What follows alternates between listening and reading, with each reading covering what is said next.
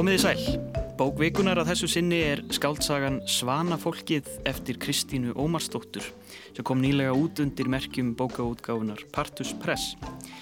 Þetta er áttunda skáldsaga Kristínar sem varla þarf að kynna fyrir bókaunundum landsins en Kristín hefur fengist við ljóða og skáldsagnagerð, smásögur og leikritun á rúmlega 30 ára reitferðli og hlotið fjölda veluna fyrir verksinn.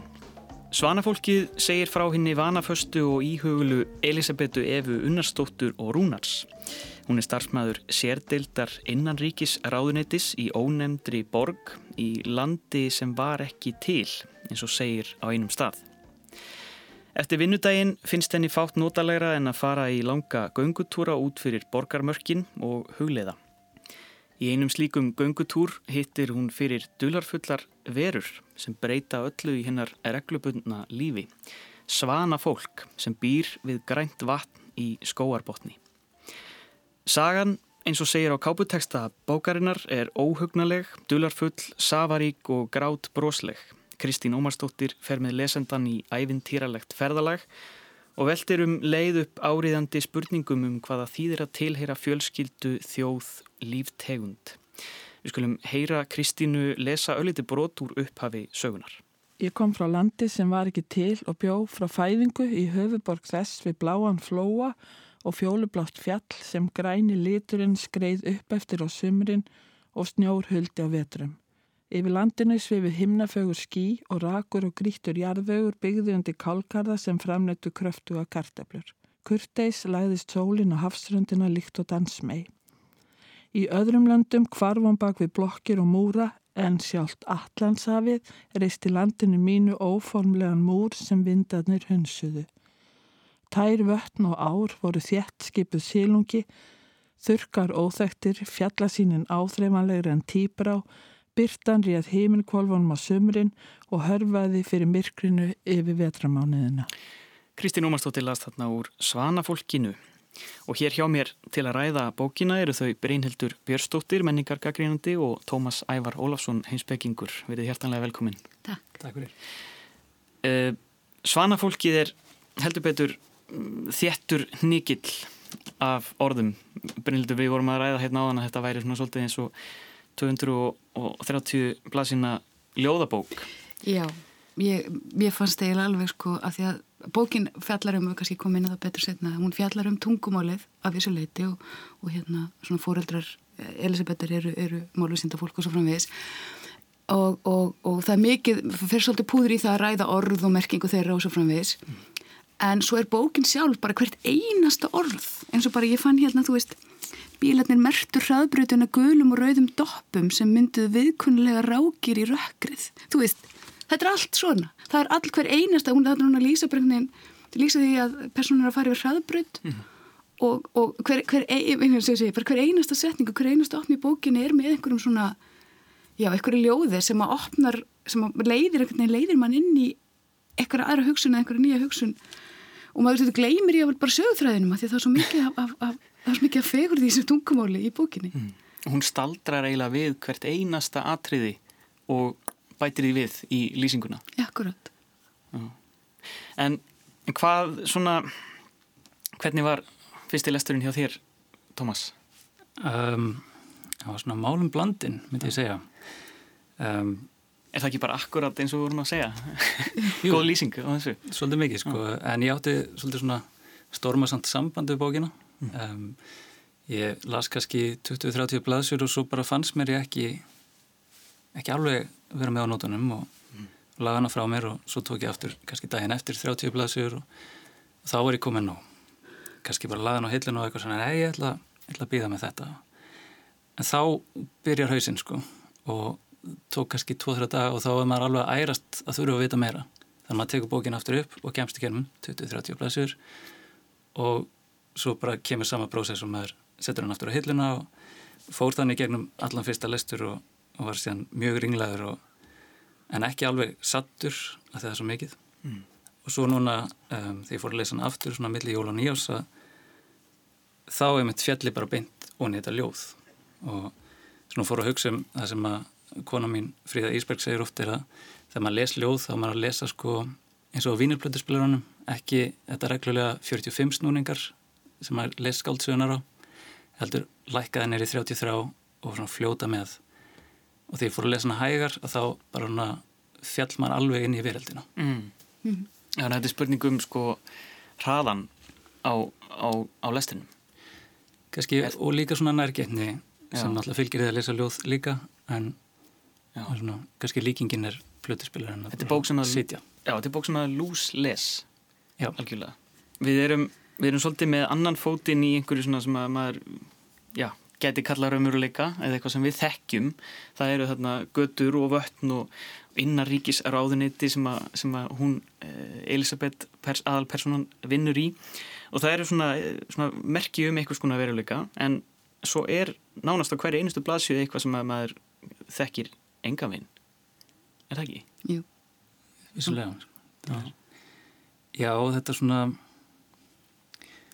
líka þetta innaríkisáðuniti er eitthvað sem að mann finnst vera til en er ekki til af því að hún er þannig í hvað heitir að tæki og viðhald dildin sem mhm. er svona yfir skriftin á dildinni sem hún vinnur hjá en það sem þau sjá raunverulega um er að njósna um fólk og það svona heitlaði mér rosalega og, og setur um þetta upp þannig svona feeling bókarinnara og sem er framann á kofurinu hérna þetta er einhver svona eitt ríkfrakka stemming. Að mann finnst eins og maður getur hlustað á þetta með einhverjum svona léttum jazz og haft einhverja djúpa rödd jáfnveil sem er að svona, maður sér einhvern veginn uh, spæjar hann fyrir sér alla leiðinni gegn en einmitt er síðan alltaf kift út í að því að þetta er oförðulegt til þess að vera spæra sér mm -hmm. Einmitt og það er þessi svona rökkurmynda stemming einhver í, geg, í gegnum alla söguna því það er alltaf verið að rannsaka veruleikan á einhvern hátt. Um, og við skulum bara fara aðeins e, hlusta á hvað Kristín Ómars hún talaði svolítið um þetta í viðtali hérna sem ég tók við hana uh, um þetta njósna samfélag sem var svolítið innblástur. Já, þeir eru náttúrulega fylgjast með hvað er að gerast í landinu og í, sérstaklega í borginni. Mm -hmm. og, og ég, ég var nú eitthvað að lesa ég hef alltaf haft áhuga á njósnurum og hérna hefur oft svona, svona bara vildi óskast að ég væri njósnari fyrir Íslandska ríkið. Og hérna svo var ég á þessu sama tímbili að lesa um um alls konar njósni sem fara fram í bandaríkjunum. Mm -hmm og eftirlit sem þar, þar hefur verið já, það, þar hefur verið hérna stundað og hérna á, til dæmis á háskólum og alls konar svona. Mm. Og þá fór ég mitt líka að hugsa af því að Ísland er nú alltaf að læra bandaríkjanum og við höfum það hefur verið flokku við stjórnlandsin sem að sækir sækir svona sína þjálfinn þangað og þá hefur á þess að ég sé að uh, það, þú veist, allt er þetta náttúrulega bara í hérna skaldskapar Já. og hugmynda sveimi að hérna hversu, hversu mikið hafa hafa íslensk yfirvöld þjálfa, eða sko tekið til fyrirmyndar alls konar svona alls konar eftirlitsstofnanir í í í þessu kennarlandi því það okkar sem við höfum verið náttúrulega í nánum tengslu við. En, en svo er þessi saga algjörlega bara uh, þú veist, ég er ekki að tengja hana við þetta land og er hún samt skrifið á þessu landu og það er ekkert, já. Mm. og hún er, þú veist, ég, hún er líka skrifið kannski að það það er svona fortið í henni það, hún notar þáttíð og það, veist, hún er að horfa á atbyrðuna úr taldið til fjallags mm -hmm. og kannski, já, þannig að þetta land virðist, landi sem hann virðist landi sem hún er að segja frá gæti hafa horfið Þessi punktur kemur svolítið framalega í bókinni að það sé svona, það gefið í skín að þetta land gæti hafa horfið. Og við, maður fær alltaf á tilfinningun einhvern veginn að sé svona svona, það er svona endaloka eh, endaloka stemming í þessu. En, en er þetta eftirlits og njósna starf er það eitthvað sem að svona skiptir einhver máli í þessari sögu eða er, er það bara eitthvað svona, sög, svona bara saumað inn í, inn í sviðsmyndina? sko það er mjög, mér, mér fannst þetta eftirlits, hérna, það, það kannski, hvað maður segja, það sýnir personu Elisabeth Refu og, og skýrir hana í raun og veru og samskipta hennar við, við fólki sem vinnur í þessu ráðunetti eru líka mjög skemmtileg og hvernig hún á öðruvísi samskipti við undir sínum eðlegu nöfnum eða vennilegu nöfnum heldur en undir dullnöfnunum sem þau verðast mm -hmm. gefa sig, gefa hvort öðru eða ganga undir en, en svo er svona svo sko, skemmtilegt að því síðan þegar hún rekst á svana fólkið þá er þetta allt þetta bákn, þetta eftirlitsbákn það er skersamlega vanmegnugt að finna nokkra, hérna, nokkra leifar af því og nokkra hérna, sennun fyrir því að það sé til. Fyrir það sjálft í rauninni sendir hann að egg, veist, sendir hann staðfesting og tilvist sinni. Mm. þannig að sko og það sem þið eru á njóstnum og það sem þið eru að skrásetja er oft svo eða veist, svo ó, ómerkilegt í rauninni með að við sko svona allt hitt sem er að gerast, fannst mér. Þú veist, þau eru að Þetta, hún er að vinna að einhverju endalösi skýrslu um uppistand á Íslandi. Nei, fyrirgeðu, uppistand í þessum heimi sem við erum í. Við erum alltaf ekki í Íslandi, nei, nei. við erum í landinu sem að í hortum heimi, í hortum heimi. Og, og svo sjáum þessu uppistandur og þeir eru koma úr, úr grískum harmleik og eru bara ekkert ekkert finnir og hætta lífi sínu sko, í, mm -hmm. í uppistandinu. Og, og svo framvegi sko, þannig að hérna, svona, starf þessar ráðunættis er svolítið í rauninni gagslust en, en samt greinlega mjög mikilvægt í, í þeim, í þeim svona yfirbórsamhengi sem er í, í þessum heimi. Mm. Já, um, ég minnst það samt sko, það er ákveðin andlegur um, andlegur rannsóknumennska í gangi í þessari bók líka Elisabeth Eva, hún nefnilega er í eðlísinu spæjari, hún verist passa í hlutverksitt rosalega vel og um leiðun finnur svana kjærlurnar að þá fer hún alltaf aftur og forvinnin er bara í, hérna, á yfirsnúning. En svona, í setni hluta bókarinnar þá kemur líka í ljós að hún hefur æðri tilgang að spæja þegar að Guð sjálfur setur sig í, í sambandi við hennar mm. og segir að hennar verkefni á jörðu sé að rannsaka. Þannig að bæði er það ofinbert starf hennar og í rauninni tilgangur hennar á jörðinni er að ranns rannsaka sem setur það auðvitað í samhengi við bara í rauninni veru okkar í heiminum fyrir þákað mm -hmm. Við erum ekki búin að tala það lengi saman og það er strax komin Guð og, og það er margt komið inn í þetta og þetta er, rauninni, þetta er eins og ég sagði upphafi, þetta er svona þessi þjætti nýkil, það er rosalega erfitt að ná utanum já, um hvað bókin er. Maður, sagan er svona nokkur nögin ef þú segja línuleg en það sem er utanum er þetta sem maður bara, maður druknar á köplum í. Já og og er svo, er svo gaman að vera kift svona aðeins út úr sínum raunverulega línulega hérna.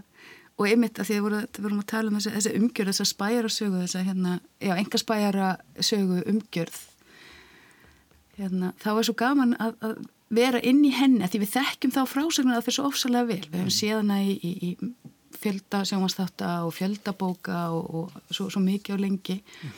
en svo er samt allt svo óaþrjámanlegt og, og, og, og eins og þú sagði ráðan, hún er alltaf að keipa mann, hún er alltaf að segja svona hér er eitthvað sem þú þekkir, nei, ups, ekki alveg. Þú veist, nei, þú þekkir það í raun ekki. Mm -hmm. og þá allavega í mínu, mínu flensu ástandi þá fór ég að setja spurningamerki bara við alls konar leiti Já, akkurat, það er sama hér. Og, og maður, og svo sett hún eitthvað annað í staðin kannski, sem var bara alveg út úr kús. Já, akkurat. En við vorum aðeins að ræða um personu hennar, Elisabethar hún, hún leggur sér alltaf fram og, og, og þú talar um hérna, einhvers konar njósnar eðli en hún þarf að gelda oft svolítið fyrir það að vera svona forvitin. Og það er uh, svona stór þáttur í uh, þessari sög, það er bara reynd og klart ábeldi og það tekur á sig ymsar myndir. Eins og Já. Uh, bara atriði þegar, það er reyfin úr henni tönn. Já af, af, af svona fólkinu? Já, hún, það er eins og hún hérna, ef hún, ef hún býður fram einhvers konar hjálp eða hlýju þá er henni mætt. Eða, eða, eða kannski, eða kannski öfugt.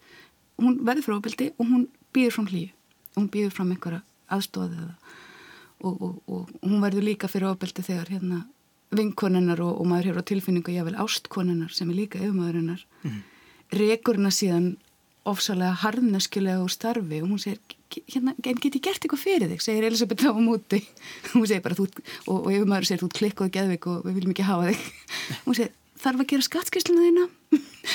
Maður bjóða þér ókipist tannleikna já, þjónustu já, og svo er hún alltaf að bjóða ókipist tannleikna þjónustu frá einhverjum tannleikni sem að, þú veist, kemur er inn í lífi hennar af einhverjum förðulegum fórsendum en þetta er eiginlega ekki meðvirkni þetta er bara einhvers konar svona þetta er eitthvað miklu meira heldur en það hún er í raunin bara að bjóða sko, bara báðar kinnar Já, alveg bara já. hægri vinstri Hjá mér samt kviknaði hugmyndin eh, eða það er tímapunktur að segja viss að þetta var góð bók er þegar hún er á sínum fyrsta fundi með svana kjærlunum og eh, endar fundin á að bjóða þeim þessa tannlækna aðstóð. Hún sér að eftir vistina þarna utan sviðs eða í lautunum þannig fyrir utan borgina að þá hafa tennunar ekki verið bustaðar nú vel og, og ákveður því sem svona af góðmennsku sinni að, að bjóða þeim aðstóð frá talæni sem hún þekkir.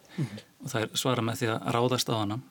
Og í, í næsti að þarnasti kapli að þá sest hún á bekk með uh, mjög svona fínum drikkimanni eða svona vel, uh, hvað segir hann? Vel, uh, snirtilugur róni svona. snirtilegum róna já.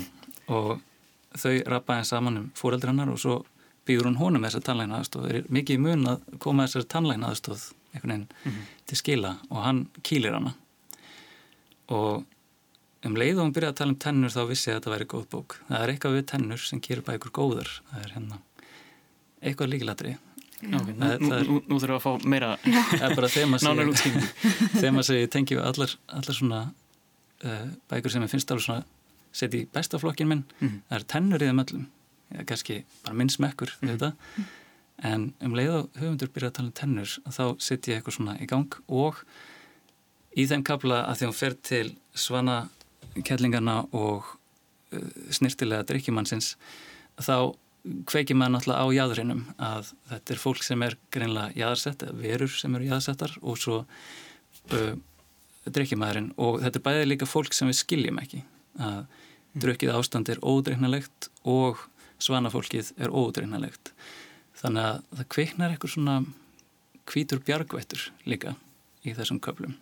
Og ég held að þar sé henni launaður greiðin svolítið af jáðarhófnum fyrir að vilja bjóða eitthvað skonar hjálp og rétta þess að hvítu hjálpar hönd að þá mætir því ofbeldi. Já, og hjálpin er náttúrulega það sem hún vill bjóða.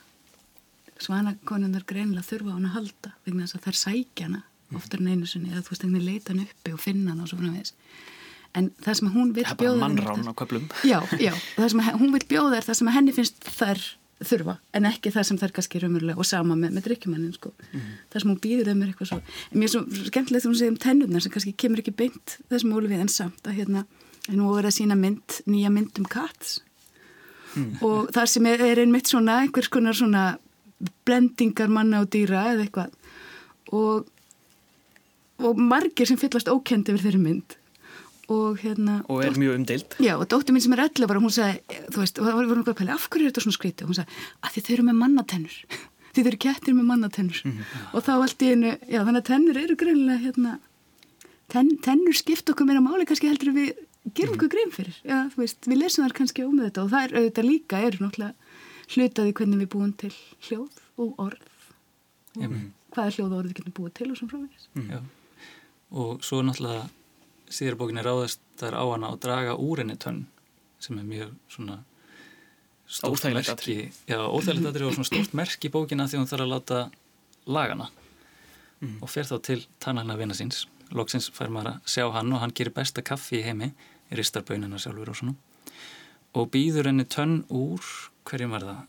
Eh, besta vini sínum, var það ekki? Já, já, Já. sem dó og hann sér hana núna fyrir sér sem besta vin sinn og þess vegna býður hún honum tönn úr honum og það er viðtönn sem gerir það einhvern veginn en þá óhugnælara og svo er hún alltaf að taka hana út úr sér og það verður svona karakter enginn í gennum alla bókina já. Hún missir hana út úr oft Já. frá sér og, og svona þarf að skrúa hana aftur í þetta, er, þetta verður oft svona mjög svona grafíst hvernig hún lýsir Já. því þegar hún setur tönnin aftur í Já, einmitt.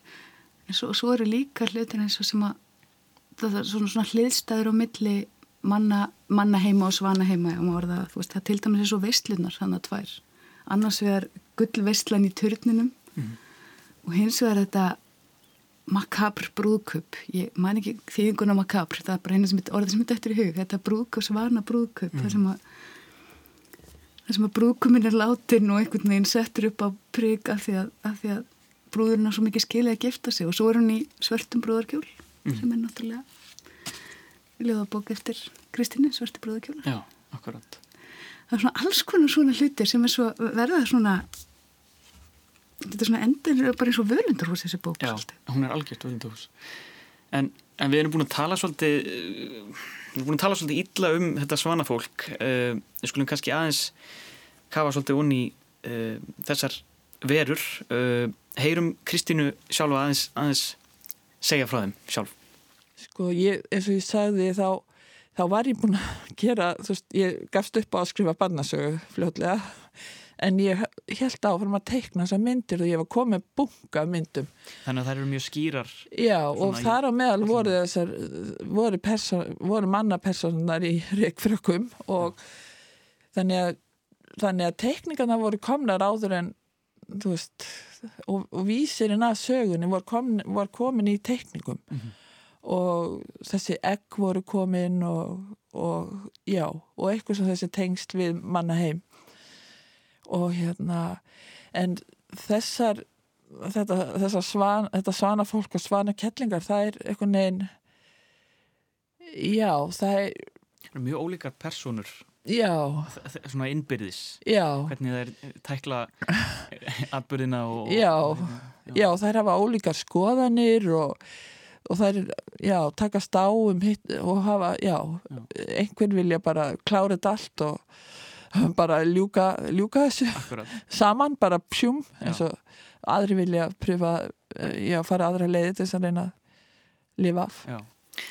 Það eru einhverjar svanaverur eða svana, svanafólk eh, sem að vilja bara ganga til við hústýragarðin og, verða þar bara svona eins konar já, síningar síningadýr eða svona hálgeri starfsmenn einhvern veginn það er, það er mjög skipta skoðanir á milli uh, svona, in, þar innbyrðis hvernig, hvernig, hvernig virkaði þetta svanafólk á ykkur? Hú, uh. Það eru mjög margar eru, og það heita alveg ótrúlegum nöfnum mm. sumar, sumnöfnin aftur svolítið rugglingslegt það var hérna það er einn sem heitir Ástríður Petra og svo Álvarún Perla Já. og það er alveg verið að ruggla mann í, í rýminu Já, einmitt. Og Ástríður er, er svo sem að byrja að beita ofbildabinu með allavega tvísvar og, og Álfrún er svo sem að verpir þessu síðasta ekki þeirra sko, mm -hmm. þessu, fjör ekki þeirra. Sko það, það er alveg það er auðvitað hægt að fara inn í einhvers konar hérna, einhvers konar líkingum þú veist maður náttúra og, og, og náttúran sem er að hverfa og ætlum að enda að ég geta bara, þú veist, geta bara alltaf klóna síðast að nærsittningin aftur og aftur? Er það sem ætlum að, þú veist, er það sem ætlum að gera? Mm -hmm.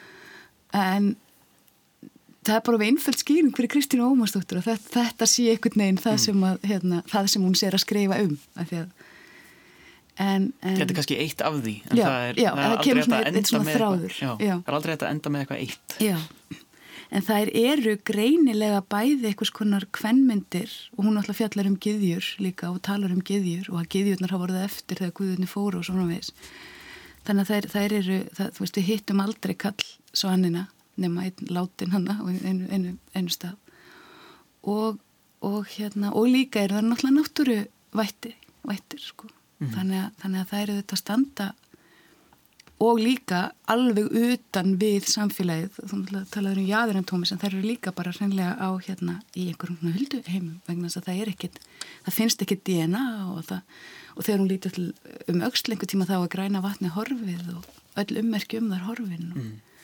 Þannig að það eru kannski líka þessi veröld sem var á einhverju liti Já, já, já, eins og er svona gegnum gangandi í bókinni að þetta sé bæði veröldnar og, og, og þessi heimur bókstælega sé bara mm.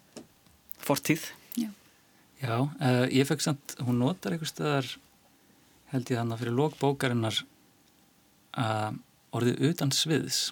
Hann hafi verið utan sviðs þegar hún var með svona fólkinu og og meðan staðið mitt svolítið flott að þetta er sett upp nánast þá eins og eitthvað svona leikús að veruleikin ráðuneytið og, og fólkið þessi veruleiki sem við kannski þekkjum best virðist þá vera settur á svið og svanafólkið er hann að leið að því hún er að fara hann að bústæðlega jáðar borgarinnar og huglega. Þetta er eitthvað svona spámannsferð nánast mm. út fyrir samfélag manna. Og, og þá vitrast fyrir henn einhver annar heimur handan sviðsins þannig að hún veginn stigur niður. En þar skilur hún allir ekki neitt að því að einmitt, ég held að það er eiga að hafa þetta því þau eru að velta fyrir sér í bókinni hvort guðinir hafi yfirgefið okkur og skilið giðjunar eftir, mm. giðjunar sínar eftir og ég held að þær hafi einmitt þá eitthvað leikil að veruleikunum handan okkar veruleika. Það sé rosalega andleg bók og það er svona ekki ummerki um þess að því þær eru ekki í veruleikanum. Mm -hmm. Og við megum kannski ekki setjast, eh, við megum ekki finna til einhver svona öryggis sem lesendur það er alltaf verið að taka mann úr hrifsa af manni og, og gefa mann eitthvað nýtt og, og það er svona þetta sem er gegnum gangandi mm -hmm. og þá eiginlega kemur að því sem að við erum líka búin að vera að tala um eh, það er þetta með tungumálið og þetta er saga sem er kannski öðrum þræði eða eiginlega bara aðalega um tungumálið og hvort að það sé bara yfir höfuð gaglegt og, og það er kannski tókstreita e, e, einmitt skálsins, ég spurði Kristínu í þessu vittali kannski hlustum bara á hana talaðins um tungumálið á þenni höldum áfram. Tungumálið er náttúrulega mjög gott tæki til að stjórna okkur með mm. og bara ef einhver segir, segir við þig að hann elskir þig þá er þá ertu komin í eitthvað svona já, eitthvað svona samband við manneskinu og þá kannski þú veist verður náttúrulega, já, þetta, þetta, þetta er náttúrulega, ég er ekki að segja þessi setning sé stjórnunatæki en hann getur verið það, mm. bara til dæmis jafn einföld setning eins og ég elska því hún getur bara hún getur bara komið mjög mörgu af stað, hrind alls konar örlugum af stað mm. og svo er ég bara komið kannski tól bönn ja. að því einhver sagði ég elska þig já, eða ég get ekki lifað á þín einhver sagði ég get ekki lifað á þín mm.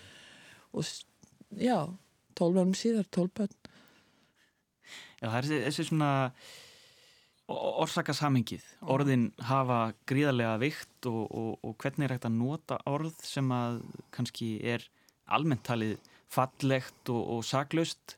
Er hægt að beita á, á ljótanhátt? Á Já, já og það er náttúrulega mér er stýrt með, með orðum, ég ætla ekki að segja okkur því ég veit ekki um hérna og ég ætla ekki að segja mann er stýrt með orðum því það er ábyrðalöst ég segi, mér, lífi mínu er mjög mikið stýrt með orðum.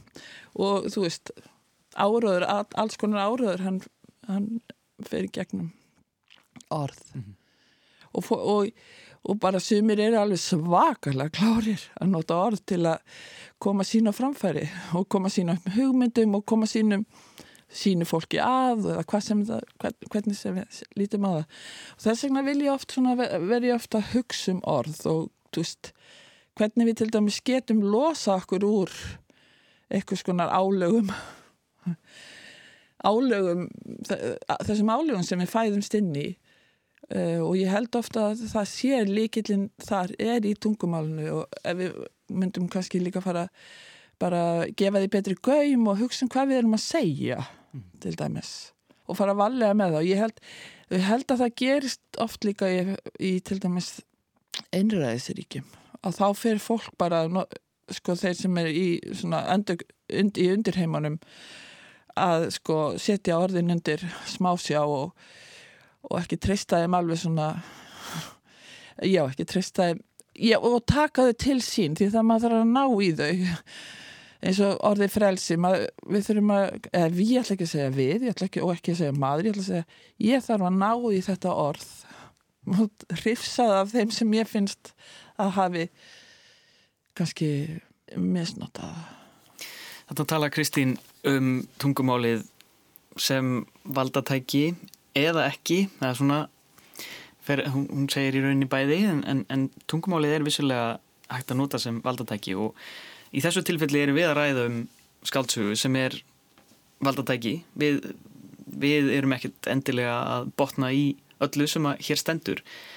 Þetta er, uh, þetta er svona alveg kannski stærsti leikillin að bókinni að ræða um sannleikan og lígina og merkingu orðana. Er það ekki? Er, er það ekki svona kannski það, það sem að þarf mest að huga að svona þegar maður allar að reyna að fanga einhverja merkingu?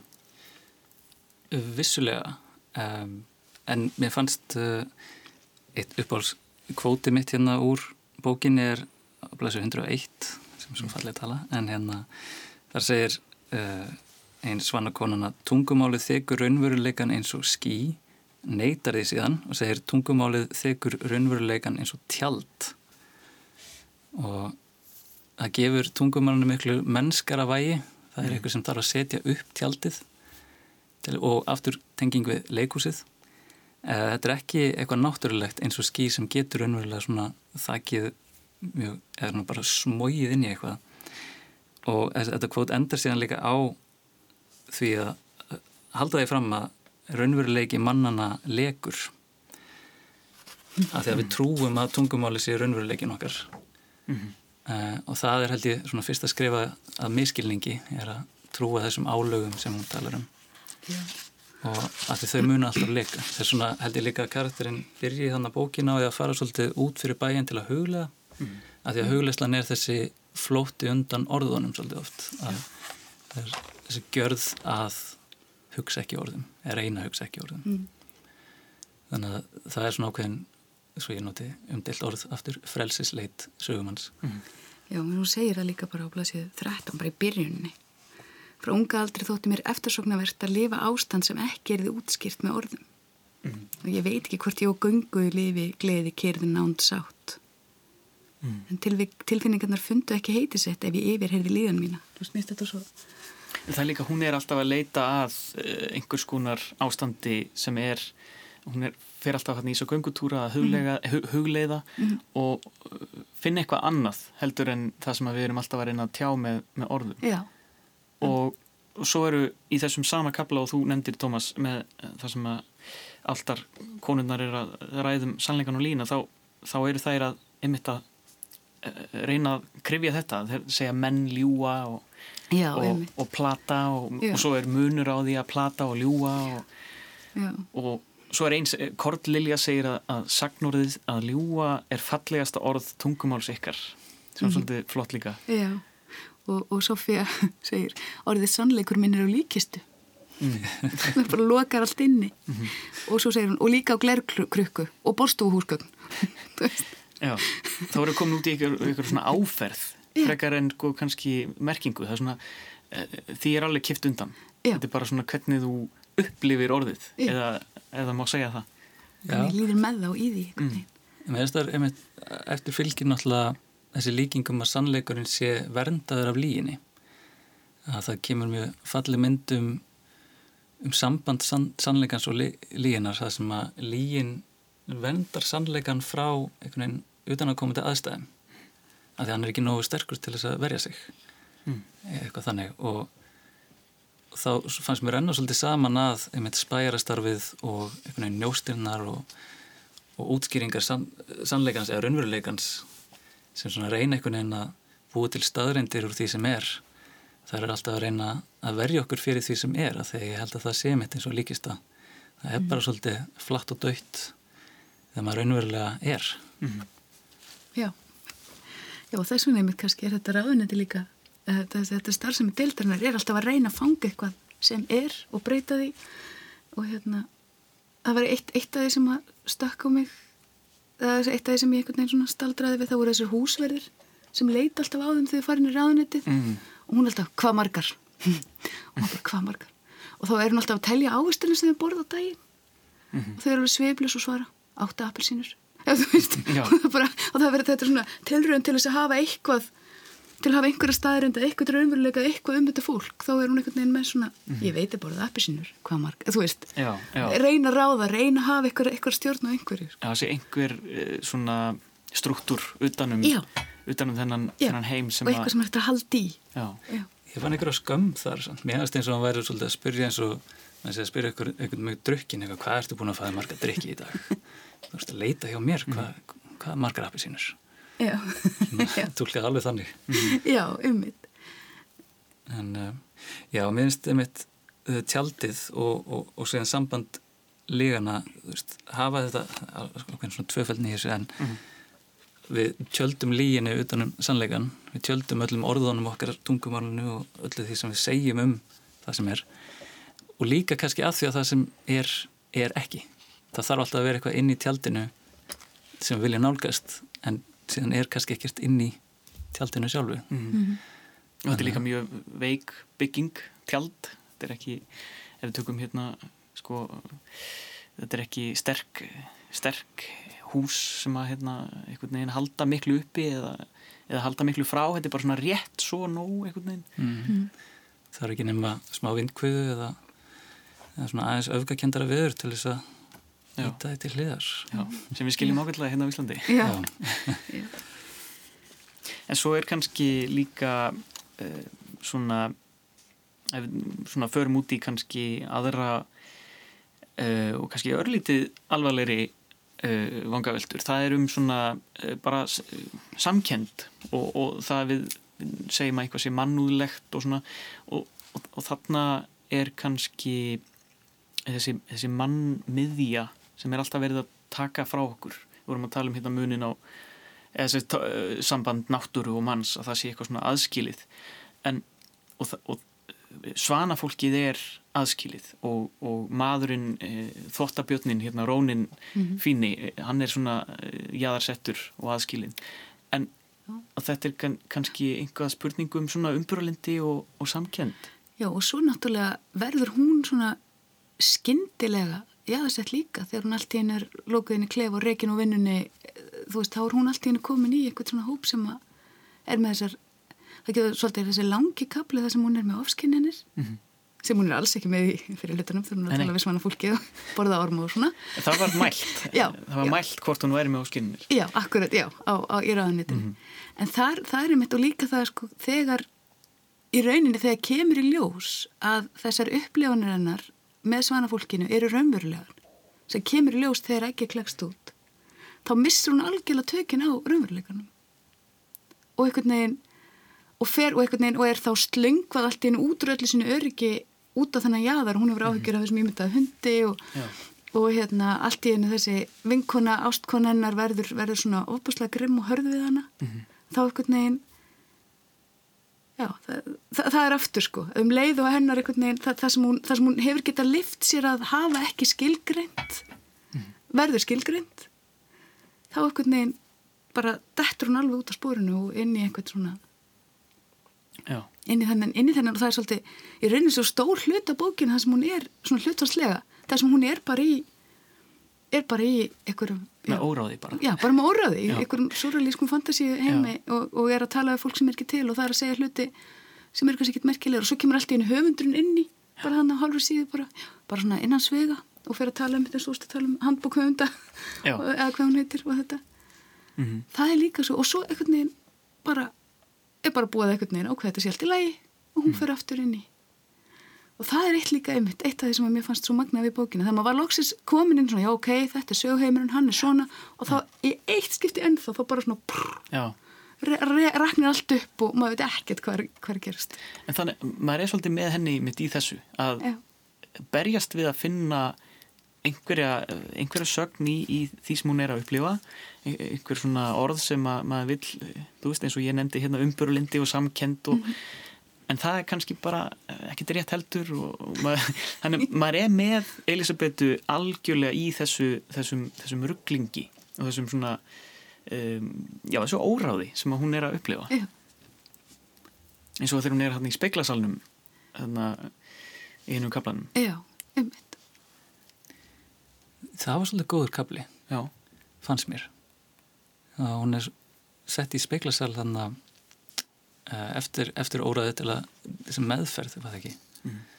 og hún er eiginlega neitt til þess að horfast í augu við sjálfa sig allan liðlanga daginn. Og fannst eitthvað svona eitthvað einstaklingshyggja vera þarna í þeim kapla það er vera endur forritana til þess að einhvern veginn lifa í sjálfur sér en ekki eh, brjóta alla hérna öll mengin sem hún og öll streikin sem hún fer yfir þannig í óráðskaplanum mm -hmm. sem kemur þá aftur inn á kannski eins konar sértrúar safna feeling sem er í þessari bók þegar hún finnur svana konunar og, og hún er svo heitluð af þessari veröld. En þær kom eiginlega fram við hana eins og, eins og fólk í ofbeldissamböndum. Að þær þurfa hennar hjálp, þær vita hvað hún mun gera þær vita að hún vinnir hjá ráðunitinu það er ekkit lindamál fyrir þeim. Og þær vita líka að hún mun selja þær til ráðunitisins að lókum þannig að þær þurfa að nýta það til þess að koma ekkinu til skila. Og, en síðan ráðast þær á hana. Og hún fyrir ekki þeim alltaf að fyrir aftur. Og mm. þannig að þetta er eins og einhver, hún sé að forða þess að inn í einhvern sértrúarsöfnu sem enda náttúrulega með ákveðinni aðtöfn en síðan er hún endur fórðið af ráðunættinu aftur inn í þann veruleika sem hún býr í á að fungera í. Já. sem er annað sértrúarsöfnuður. Já, algjörlega, sem er kannski eitthvað svona líkar á okkar eh, sértrúarsöfni eða Mm. trúarsöfni eða kannski ekki sért miðjusöfniði Já. þannig að þetta er Já. En, já, þannig að þetta eru kannski átök þá um Elisabetu Evu, átök stofnunarinnar og, og óreðunar um, um hana, um hennar sál. Mhm. Eitthvað neginn, kannski. Eitt af því sem hættir að segja. Já. Ég held að við séum engu nær en kannski öllu nær það er bara fer eftir í hvernig hlustendur tólkuðu þetta. En ég held að við séum svona komin á að að leiðalokum hérna. Kannski bara svona örfa, örfa orði í lokin um bara bókina. Hver, hvernig, hvernig fannst okkur þessi skaldsaga Kristínar, Ómarsdóttur? Sko ég er einhvern veginn alveg sannfærið það eftir að lesa þessa bóka. Kristín Ómarsdóttir er afbræðsgreind og hún er kannski á köplum kannski of ofgreind til að maður geti mennilegt fólk geti skilja hana að í bestu merkingu þessu orðs mm. af því hún hún á svo auðvelt, hún ánur bara svo auðvelt með að leika sér með okkur og okkar upplifin af heiminum Mm. og þess vegna mæli ég með því að sem flestir gefið sér tækifæri til þess að stíga inn í hennar hug. Já, ég er búin að vera í kappi í, í gegnum allt jólabóku flóðið og niðurstaðan mín er svolítið bara að þetta er bókin. með stóri bíði Já, þetta er mjög sifin en og svona sérstrúasöfnur minn er eiginlega gamlu þættinir og, og nýju tvítrangar sem er með að gefa manni aldrei aðgang að þeim raunveruleika sem er í gangi og mér finnst þetta að koma svolítið nálætt í að Mhm. það, það er alltaf eitthvað falið, það er alltaf eitthvað undir tjaldinu eða, eða hvað sem er á að segja Mhm. þannig að þessi bók getur virkilega gert mann svona ringlaðan og brjálaðan en, en hún er algjör algjör negla. Já, við skulum hafa það loka orðin. Uh, Takk fyrir komuna í þáttinn Brynildur Björnsdóttir og Tómas Ævar Ólafsson. Og ykkur hlustundum þakka ég áhengina verðið sæl